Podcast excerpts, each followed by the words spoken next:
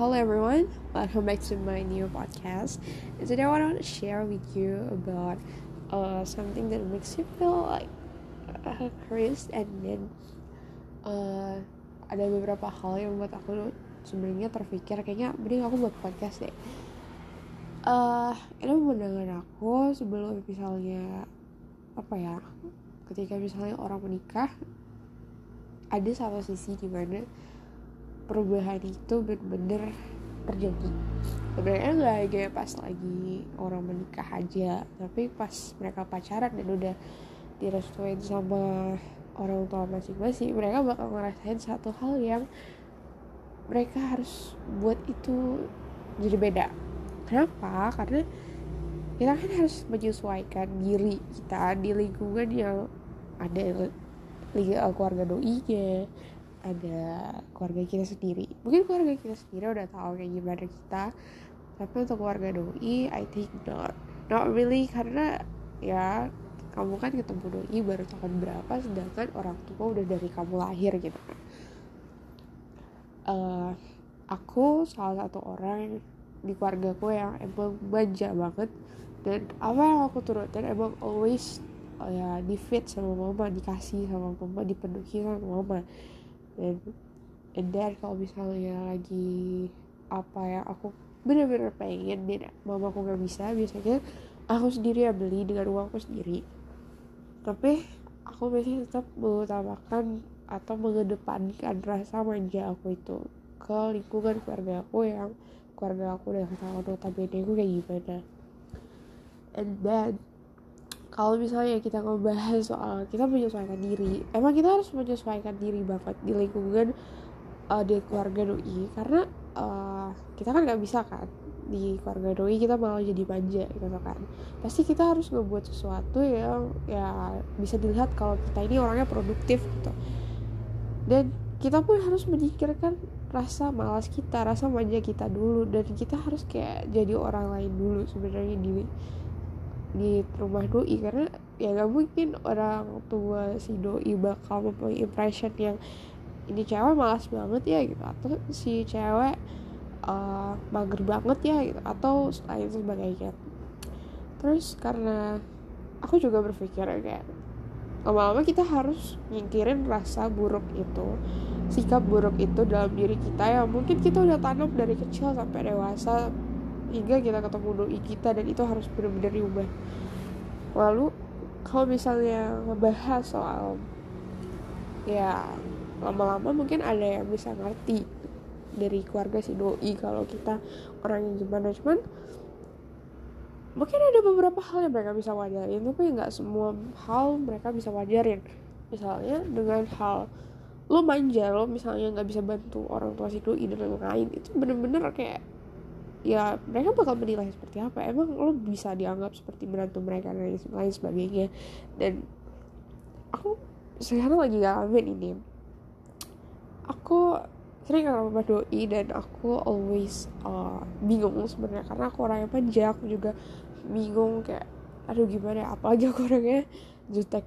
Dan I know I'm not being big bigger.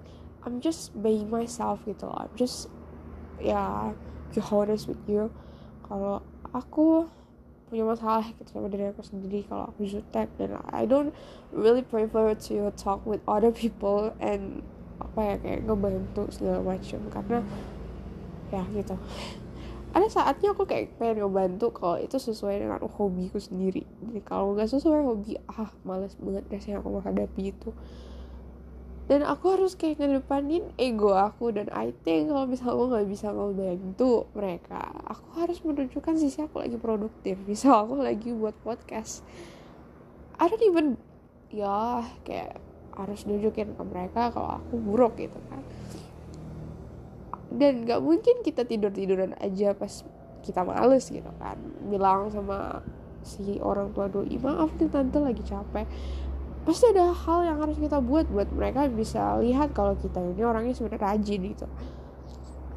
Dan karena aku masih kebawa-bawa dari sikap lama aku sikap di rumahku dan ya sikap aku di rumah kayak gimana aku terlalu uh, apa ya bukan dibilang pick me apa ya picky dalam soal makanan. And I think it's really hard for me with with them kalau ya karena milih-milih makanan kayak picking food. And also aku juga mikir kalau uh, dalam hubungan juga emang harus ada namanya ya ajarin si doi segala macam gitu kan. Dan I think it's okay gitu. Kalau misalnya si doi manja segala macam. Cuman kadang aku over manja banget sangat sangat over manja dan aku tidak mau rasanya kayak aku kan itu I don't even want it kayak bro it's not my style gitu loh. Kayak aku pengen banget lakuin but it's not my style gitu. Dan samping itu ya emang tetap harus jadi orang yang bisa diandalkan sama orang tua doi dan buat kalian yang mungkin lagi ya menyesuaikan diri kalian di dalam keluarga doi kalian harus perlu peka apa kesenangan seorang tua doi. Sukanya anak yang rajin atau gimana dan that's all, that's all I think is my podcast and I hope you can yeah understand what all of these things all this cause I'll I'll discuss it again about other topics, I guess, and then see you in the next episode. Bye bye. Hello everyone, welcome back to my podcast. And today's I wanna share about less lessons or lost feeling, and this is yeah based on my story. I ever lost feeling with my boyfriend, and then aku tetap mempertahankannya dan ini benar-benar cerita aku. Aku pernah ngerasain lost feeling because aku dulu ilfeel sama dia. Karena dulu aku suka nolak dia tapi dia tetap ngejar aku berbulan-bulan. Aku ya punya trauma dan kalian sendiri pasti pernah denger di episode sebelumnya kalau aku punya trauma yang mendalam soal laki-laki. Terutama berkaitan dengan seorang ayah jadi buat aku bener-bener rasanya trauma. Februari aku lost feeling. Mungkin aku pernah bahas ini di podcast ya tentang aku lost feeling aku lost feeling di bulan Februari. Tapi bagaimana cara aku mempertahankan hubungan itu? Aku ubah posisinya. Dulu sebelum aku lost feeling di bulan Februari kemarin aku mencoba untuk gimana caranya aku ngubah posisi ini. Karena dulu aku nggak bisa menunjukkan sifat asli aku kayak aku mau manja gitu kayak susah gitu dan aku setelah lost feeling itu aku menunjukkan kalau aku manja dan bergantung dan posesif agresif dan lain-lain Sampai ketika di bulan ini malah giliran dia yang lost feeling. Aku sebenarnya masih bingung sih tentang apa sih isi pikiran cowok ketika misalnya mereka bosan atau ketika misalnya mereka lost feeling or lost interest sama kalian? Sampai waktu di mana setelah dia lost feeling dia cerita dia lost feeling aku terima dia lost feeling but I don't want to cut it off uh, relationshipnya. Karena waktu aku lost feeling yang aku benerin itu feeling aku terhadap dia bukan hubungannya. Karena perasaan tuh kan bisa muncul ya.